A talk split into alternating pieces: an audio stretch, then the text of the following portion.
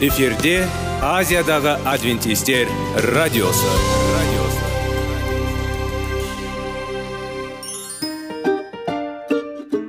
Сәлем достар. Денсаулық өмір бұлағы және біздің бірінші байлығымыз демекші денсаулық сағаты рубрикасына қош келдіңіздер. Біздің рубрикада біз әртүрлі факторларменен мәліметтерменен кеңестерменен бөлісіп шын жүректен сіздердің дендеріңіз сау болғанын қалаймыз. Сол үшін біздің рубрикаға қош келдіңіздер. Дайындалып тұрыңыздар. Өйткені келесі минуттарда қызықты фактілерге ие боласыздар. Енді достар ең бірінші байлығымызды қолымызға алып алға кеттік.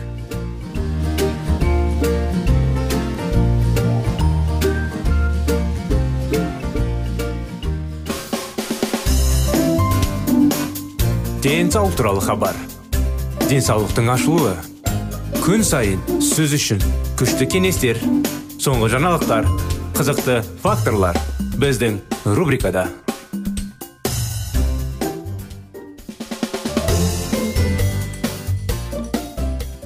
сәлем достар. Армысыздар құрметті радио тыңдаушыларымыз сіздермен бірге денсаулық сағат бағдарламасы. Қалдарыңыз қалай? Мінекей сіздермен бірге өткен бір тақырыпта жаңа тақырып бастаған едік біздің бағдарламада. Сіздер назарларыңызға денсаулық қалай сақтау керек екені жайлы анықтамалар. Толығымен біздің бағдарламада сіздермен бірге денсаулықты қалай дұрыс сақтайтындай тақырыптарды көбірек өтеміз. Денсаулықты маңызды және де оны дұрыс қалыпта сақтауға тырысу керек. Әрине бір күні бір жеріңіз ауырып мазаңыз болмаса ештеңеге ниетіңіз болмай қалады? Әрине көңіл күйіңіз болмайды. Сондықтан денсаулықты дұрыс күтсек әрдайым көңіл күйіміз болады. Бақытты болуға тырысамыз. Өмірімізді ұзағырақ қылуға тырысамыз. Сонда өзіңіз де айналаңыздағылар да көңіл күйлеріңіз дұрыс жағдайда ұстауға тырысасыздар. Сондардың біздің жаңадан та бастаған тақырыбымызды алға бастайық. Өткен жолы басын бастадық енді жалғастыра кетсек дененің ішкі қызметі жайлы анықтама. Тіпті сіз ештеңе бос емес сияқты сіздің денеңіз ішкі қызметі. Бақытымызға орай тоқтатылмайды. Ай сайын он мың қызыл қан жасушалары қан айналымын шығарылады. Жойылады және сіздің қаныңыз ауыстырылады. 160 километрге ұзындықтағы қан тамырлары бойынша ағады. Ал сіздің бүкіл денеңізден өту үшін ол шамамен минут қажет. Егер сіз темекі шегетін болсаңыз немесе дене жаттығуларын орындасаңыз сіздің жүрек қатты жұмыс істеуге тура келеді. Әртүрлі себептермен болса да әрбір артық жарты килограммдық май 300 километрден астам қосымша қан тамырлары. Сондықтан сіздің жүрек тәулігіне одан да ауыр болады. 23 1340 дем. Шамамен екі текше метр ауа жұтып оның 25 жоқ кешіріңіз 21 пайызы оттегі ал нөлдің нөлде төрт пайызы оттегі болып табылады. Көмірқышқыл газы. Үрленгенде көмірқышқыл газының мөлшері шамамен 4 пайызға дейін артады. Егер жаяу жүрсеңіз бұл шамамен 8 километр немесе күніне 20 мың қадам. Сондықтан 80 жылдық жасқа қарайсыз жүріп өткен жол алты жер шарының саяхатына тең болады. Және уақыт өте келе кенсеңіз үш есе көп шамамен бір рет тыныс алу процесінде әрбір үш минут сайын бір рет 200 грамм су буыңның астам өндіреді. Күн сайын шамамен елу мың суреттерді тіркеу және олардың миға беру арқылы егер сіз күні бойы оқыңыз онда сіздің көз бұлшақ шамамен 100 мың қозғалыстар жасайды. Егер сіз жанға кездес сіз 3-10 секунд қоршаған ортаның көзбен қабылдауды тоқтатсаңыз осылайша 11-ден 20 пайызға дейін уақыт айналысында болып жатқанын көрмейміз. Сіз ұйықтаған кезде көз әлі де белгілі бір қозғалыстар жасайды. Және түнде сіз 25-35 рет төсектен бұрыласыз. Орташа алғанда сіз күніне 48 жоқ 4800 сөз айтасыз. Алайда сіздің кәсіп адамдармен жиі қарым қатынаста болса онда бұл сан айтарлықтай көп болуы мүмкін. Жоғарыда аталған барлық міндеттерді орындау үшін өзіңізді энергиямен қамтамасыз ету үшін сіз бірде 8 килограмм тамақ тұтынасыз. Әрбір 10 күн сайын сау бола оның денесінің массасына тең тамақ көлемін сіңіреді. Және әрбір елу күн сайын ересек адамды бірдей етеді. Егер сіз денеңізді энергия өндіру үшін қажет болса онда аз болса салмақ жинайсыз. Аз қозғалатын өмір салты аз тамақ тұтынауды талап етеді. Кез келген жағдайда біздің қартаю шамасына қарай біздің энергияға деген қажеттіліктеріміз ересек өмірдің әрбір 10 жыл сайын бас пайызға азайды бұдан басқа 30 жылдан бері біз өсуде азырақ жоғалту бастаймыз. Күніне 0,3018 сантиметр. Бұл бірден емес. Бірақ 20 жылдық кезінде бірде 3 сантиметр төмен болуы мүмкін. Сіздің миы шамамен 1 миллион жүйке жасушаларын сидырады. Олардың әрқайсысы шамамен мың өзара байланыс бар. Олардың барлығы күн сайын жұмылдырмайды. Олардың бір бөлігі өте ерекше рөл атқарады. Ал басқалары сіз қазіргі уақытта орындайтын қызметке сәйкес бөлесендіріледі. Жүйке жасушаларының желесі барлық денені қамтиды және мимен жіберілетін және қабылданатын ақпарат сағатына 4-тен 600 километрге дейінгі жылдамдықпен беріледі. Дәл баптау адам денесінің әрбір құрамы туралы көбірек айтуға болады. Алайда келтірілген ақпарат барлық органдардың өзара байланысы мен өзара тәуелділігінің атын өту үшін жеткілікті. Сіз мұндаларды анық елестеуіңіз керек. Сіздің бірегей ағзаңыз ең тиімді түрде жұмыс істеу үшін. Ол дәл болу керек. Дәл осындай дәл келтіру процесін біз өмір салты деп атаймыз. Біз өзіміздің жеке және қоғамдық міндеттерімізді қаншалықты табысты шешетінімізді қандай өмір салтын таңдайтынымызға байланысты. Толқынында өмір сүру үшін біз денсаулықты сақтауға қамқорлық жасауымыз керек. Денсаулықты қалай сақтау керек? Бір тұтас тұлға. Дүниежүзілік денсаулық сақтау ұйымы денсаулықта аурудың болмауы ғана емес толық физикалық ақыл ой және әлеуметтік ал уақыт жағдайда деп анықтайды. Бұл анықтама біз бір тұтас зат болып табылатындығымызды көрсетеді. Және біздің денсаулығымыздың бірнеше білбейтін өзара тәуелді өлшемдердің аясында қарастыру керек. Денсаулық туралы оксфорд сөздерінде бұл дене кекінісі ақыл ой рухани байлық деп айтылған. Біз салауатты тұлғаның барлық құрамдастарын денсаулық және өмір сапасы ұғымдары бара-бар факторларын ретінде сипаттай аламыз мінекей осы анықтамамен бағдарламамыз бүгінгі күнде аяғына келді. Әрине денсаулықты қалай сақтау керек тақырыптарын келесі жолы жалғастырамыз. Келесі жолы сіздерді қуана күтеміз. Сау саламат болыңыздар құрметті достар.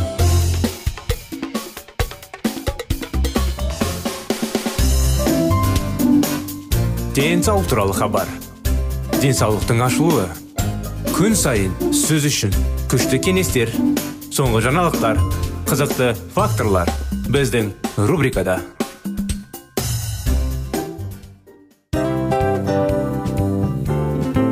Әуелі байлық денсаулық екінші байлық он саулық үшінші байлық ақ жаулық ал енді осындай радио парақшадан кейін не дейміз? Барлықтарыңызға денсаулықтарыңыз зор болсын деп тілейміз. Денсаулықтың өзгеруі кішкентай нәрселерден басталады. Осымен біз берген кеңестер мен мәліметтер шын жүректен сіздер үшін қандай да бір болсын жәрдем берді деп үміттенеміз. Тыңдаушыларымызбен келесі радио парақшасына дейін қоштассамыз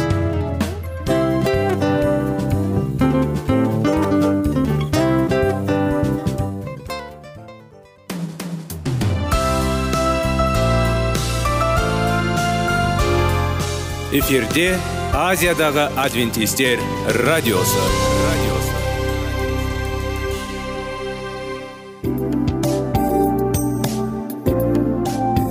Сәлем достар. Барлықтарыңызға шын жүректен сөйлесек рубрикасына қош келдіңіздер деп айтпақшымыз. Шын жүректен сөйлесек бағдарламасы әртүрлі қызықты тақырыптарға арналған. Шындығында шын жүректен сөйлесек деген сөздің мағынасы екі достың екі адамның ортасындағы шын жүрекпен сөйлесуі бір біріне сенуі ашықтық пен шындықты білдіреді. Сол үшін біздің бағдарламалар әртүрлі қызықты тақырыптарға арналған. Дайындалыңыз жаңа қызықты мәліметтерге ие болуға. Ондай болса кеттік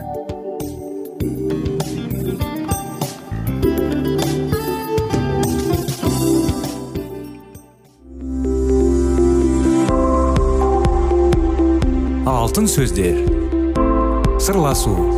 Қарым қатынас жайлы кеңестер мен қызықты тақырыптар. Шын жүректен сөйлесейік рубрикасында.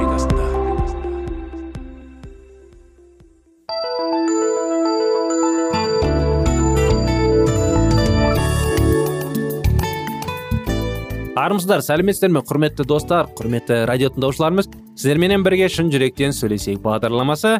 Сіздермен бірге сіздердің назарларыңызға әрдайым қарым қатынас сүю махаббат тәрбие бала мен ата ананың қарым қатынасы әйел мен күйеуінің қарым қатынасы әйел әрине жастар үйленгеннен кейін бақытты керемет өмір сүру үшін қандай тәсілдер қандай кеңестерді қабылдап орындау керек жайлы тақырыптарды біздің бағдарламада шын жүрекпен сөйлесейік. Әрине сіздер назарларыңызға тәрбиеле жайлы. Баланың жүрегіне бес қадам тақырыбын жалғастырудамыз. Оның бәрі біздің бағдарламада және де соның ішіндегі қуаныш қуанышты оқиғалар жайлы тақырыптарды бастап жалғастырған едік. Өткен жолы әсем мен әлия жайлы оқиғаны естеріңізде ма? Әлия сабақ оқымай келетін әрдайым әсем оны мазақтайтын. Кейін ол анасына бәрін жеткізіп айтқан соң анасы оған кеңес берді. Ол қыздың қайдан екен не үшін таба оқымайтын мүмкін сен бір нәрсе көмектесе аларсың сен құдайға сенетін қызсың ғой деп кеңес береді. Әрине әсел солай істеуге тырысып әлиямен сөйлесіп үйіне шақырып сабақ оқытуға ондай мүмкіншілік болмады. Бірақ әлия әсемді үйіне шақырған еді. Сонда әжесі бар екен. Бар қал жағдайын біліп ол қызға әрине көмек керек жайлы анасына айтып анасы екеуі қандай көмек көрсете аламыз деп ойланған еді. Сөйтіп әсел көгілдір қақпалы кішігірім үйге жиі жиі баратын болды. Ол алияның туған күніне әдемі тоқма жақсы бір көйлек үлкен самса түрлі түсті суреттер бар балаларға арналған келі кітапты сыйға тартты. Бұл жанұяда оның әрдайым қуана қарсы алады. Ендігі жерде олар құдай сөзін өздері оқи алатын болды. Бұға дейін әсел оларға құдай туралы сенім туралы көп әңгімелер айтып қалай сүйіну керек екендігін үйреткен болатын. Енді міне бұл үйде ас шер алдында. Құдайға бата тілеп синады. Құдайдан. Әлия сабақты оқығанда да үйінің басқа да жұмыстарын істеу кезінде де жаратушының көмегіне сүйеніп оған сиініп дұға тілектерін айтатып болады. Бірде мектепте оралғанда әлия белгісіз біреудің үйдің ішін ауланы жинастырып кір жуып колготкасын торлап қойғанын көріп таң қалды. Тоңсықтыштың ішін бұрын сондан жеп көрмеген тағамдарға толтырып қойған. Әжей болса тап таза ақ үшкілі орамалын басына байлап алып қуанышты көзін күлім қақты. Рухани сіңлерім келіп кетті алия. Біз енді мәсіхше сенуші жандармыз. Қазіргі кезде туысқандарымыз көп біз енді жалғыз емеспіз. Әже қандай әдемі болып кеткен бәрі. Солай солай енді маған ол дүниеге аттасам да қорқынышты емес өйткені қиындық сәтте сені шетке тастамай қол үшін беретініне көзім жетеді. Олай деме әжетай маған сенсеңіз қиын тиеді. Әсел де өзін шексіз бақытты құшағына сезінгендей сенуші болғаны қандай жақсы. Еміз исаның адамдардың өмірін осылайша өзгерте алатынын көру қандай ғанибет.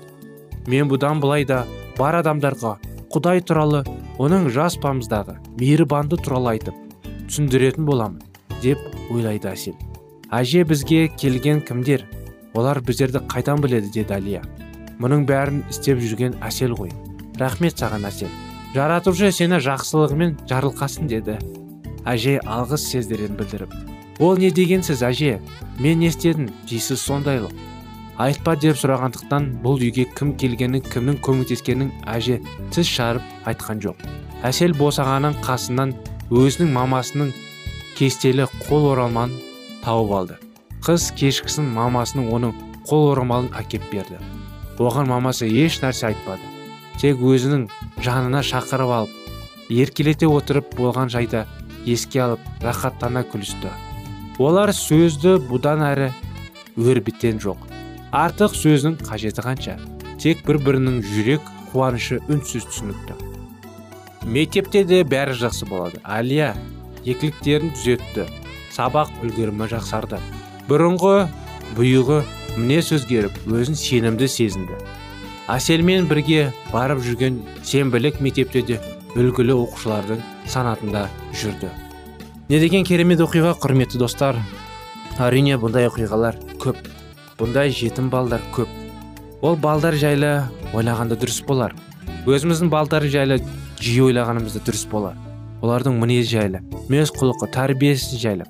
Ондай балаларды көрген кезде мазақ қылмай киімі жоқ нашар сабақ үлгерімдері дұрыс болмаған балаларға оларға қайта көмек беріп олар жайлы үйіне әкеп ол анықтаманы жеткізіп оларға бір көмек беруге тырысу керек.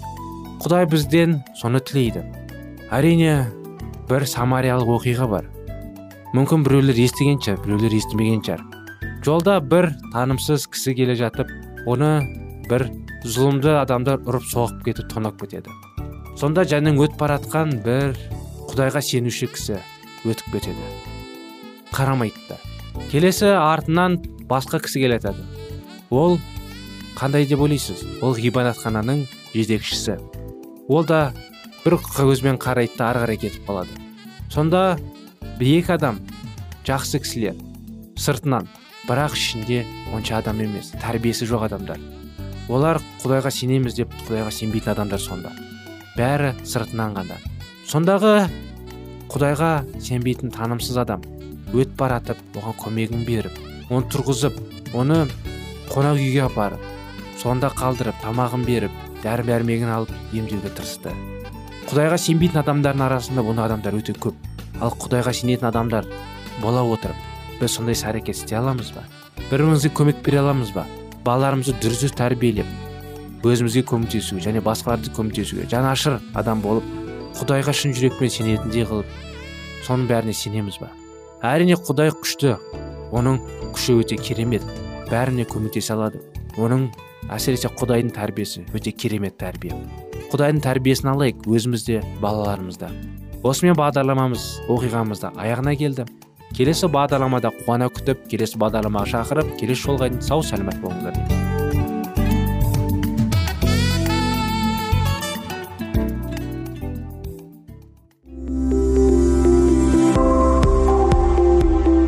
Алтын сөздер. Сырласу.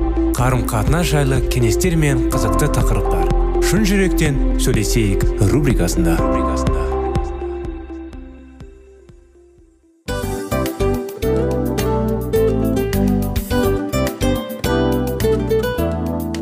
Құрметті достар барлық ең соңғы кеңестер аяқталған соң біздің программамыз соңына келіп қалды. Осы біздің мәліметтер осы рубрикада айтылған әрбір сөздер сіздерге өзінің қандай да бір пайдасын алып келді деп шын жүректен сенеміз. Және бұдан да көптеген рубрикаларымыз бар. Басқа рубрикаларымызда біздің зерттеулерімізде сіздер үшін тағы да қызықты мәліметтер дайын. Біздің шын жүректен сөйлесейік парақшамызда көптеген әдістер ең соңғы кеңестер адамның нравственность жақтан моральдық жақтан тазалап байыта тұрған соңғы кеңестердің барлығын жанарады. Сондықтан алдыңғы күндерде бізбен бірге болыңыздар. Өйткені барлық қызықтар алдыда. Бізбенен бірге болғандарыңызға үлкен рахмет. Келесі кездескенімізше сау сәлемет болыңыздар.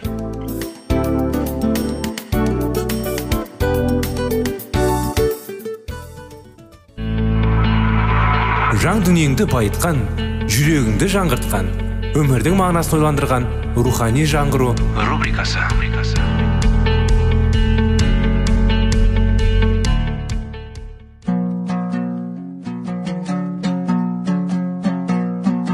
Ассалаумағалейкум біздің тыңдаушыларымыз. Келі кітаптың шындығын ашып берген қысқа бағдарламасына қош келдіңіздер. Барлығынан жоғары жаратушы біздің қарыңғылықта жалғыз қалдырып қойған емес. Өйткені ол келешекте не болу керек екенін киелі кітаптың парақтарында ашып береді. Немесе келіңіздер бізге қосылыңыздар. Жаратушы бізге нен ашып бергенін зерттейміз. Густың қазасы. Богомияда қобалжу туғызды. Барлық халық оның өлімін императордың сатқындығы мен дін әскерілінің қатыгездігінің нәтижесі деп есептеді. Ол ақиқаттың ұстазы деп атанып кеткен болатын.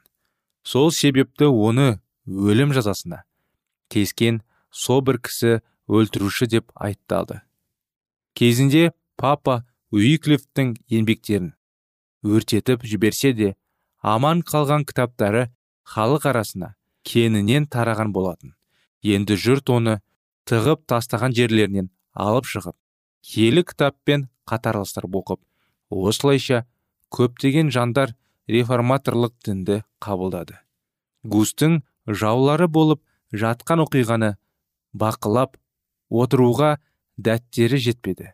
Император мен папаның басқару бойынша бұл қозғалысты басып тастау үшін сигизмунд сарбаздарымен богемияға шабуыл жасады. Бірақ оларды қоршауғышы да табылды. Богемия әскерін басқорға сол кездің көрнегі генералдарының бірі жиққа шықты. Көп замай генерал көзінен айырылып соқыр болып қалды. Соған қарамастан құдайдың әділдігі мен күшінен сенген бұл жандар жауларына айсыртқа соққы берді.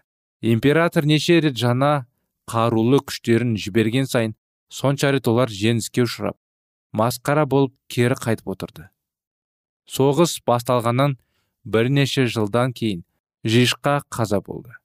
Оның орнына дарындылығы бұрынғы генералдан артық болмаса кем түспейтін өнерлі ержүрек генерал прокоп келді. Соқыр жауынгерлердің қаза болғанын естіген богемияның жаулары енді оларды басып тастаудың уақыт туды деп есептеді. Осылайша папа густың ізбасарларына қанды жорық жариялады. Ол еуропаның көпшілік елдерінен қару жарақ құрал сайман әскер жинады. Сонымен қоса оның тауының астына богемияның жеңілісін көргісі келгендер де жиналды. Папа әскерін жарақтап алып тағы да шабуылға аттанды. Екі жақтан екі әскер бір біріне қарама қарсы жақындай түсіп өзеннің екі жағына келіп тоқтады. Әрине күш жағымен салыстырғанда қандай жорықшылар өте мықты болатын. Десе де өзеннің өтіп богемиялықтарды жайыптауға тиісті болған әсер неге екенін белгісіз кенеттен өздерінен өздері байбалам салып қаша жөнелді.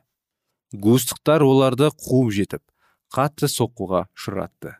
Осылайша бұл соғыс богемиялықтарға жоқшылық емес керісінше байлық келді. осыдан бірнеше жыл өткен соң жаңадан келген папа богемиялықтарға тағы да қанды жорық жариялады. Бұл жолы да ол барлық еуропадан өзіне күш жинады.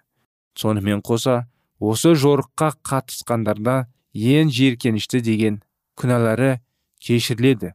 Өлгендер бірден жұмаққа барады ал тірі қалғандар үлкен қазынаға ие болады деген уәде берілді.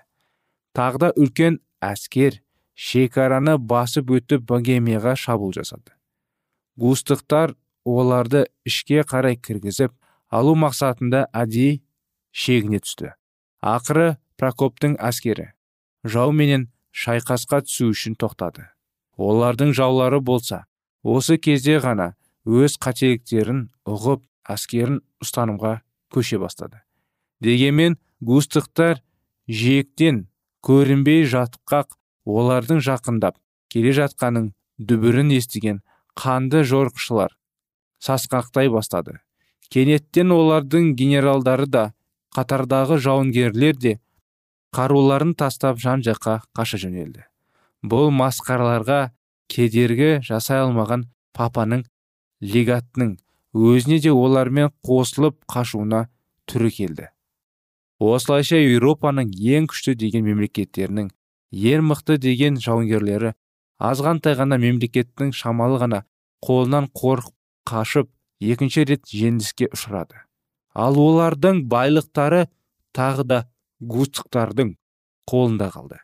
Бұл жолы да шапқыншылардың табиғатында жоғары күштің әсерінен жеңіліске ұшырағандарың белгілі болды.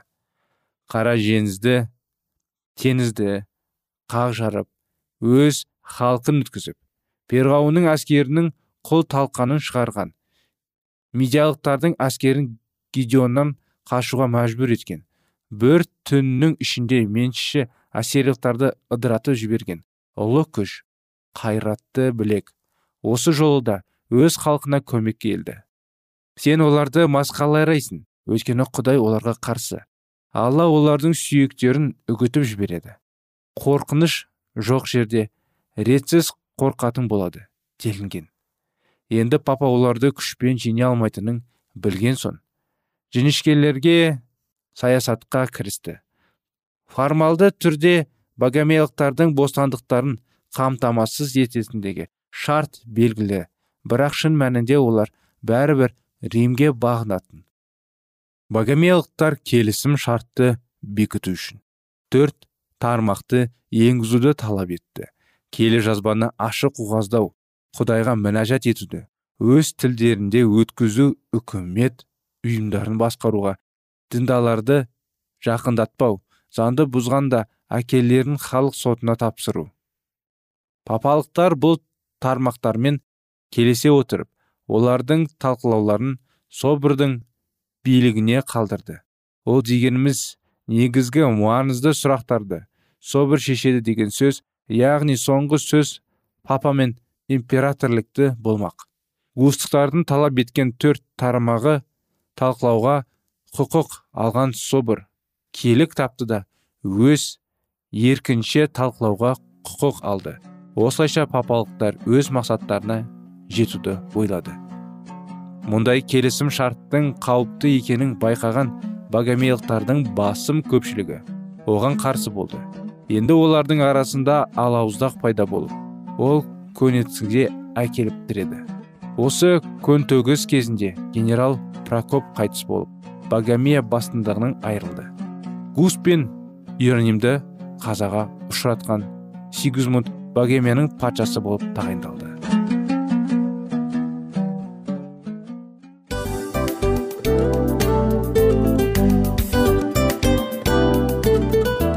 Мынау осы уақыт тез өтіп кетеді екен.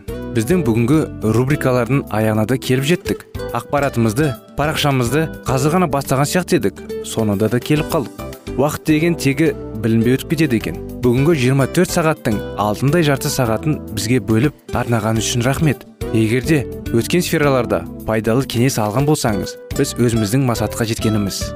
Кеңестерді қолданам десеңіз өзгерістерді кішкентай қадамдардан бастап іске асыра беріңіздер де жасағандарыңыз үлкен үлкен жетістіктерге жете берсін шын жүректен әрбір берілген кеңестер сөздер сіздерге пайдасын әкеледі деп сенеміз. Сіздермен бірге кездесулерімізді сөзсіз түрде асыға күтеміз. Сәтті күн тілеп сіздер менің ұзаққа қоштаспай келесі кездескенімізше тек қана сау саламатты болыңыздар дейміз. Достар біздің бағдарлама бойынша сұрақтарыңыз болса әрине сіздерге керекті анықтама керек болса біздің whatsapp нөмірімізге хабарлассаңыздар болады. Плюс бір үш жүз бір жеті жүз алпыс алпыс жетпіс иә достар сіздер қателеспедіңіздер бұл біздің номерлерге ұқсас болмаса да бұл whatsapp номер арнайы. Хабарласыңыздар сұрақтарыңызды қойып тұрыңыздар. Анықтаманы алып тұрыңыздар. Плюс бір үш жүз бір жеті жүз алпыс алпыс жетпіс номері.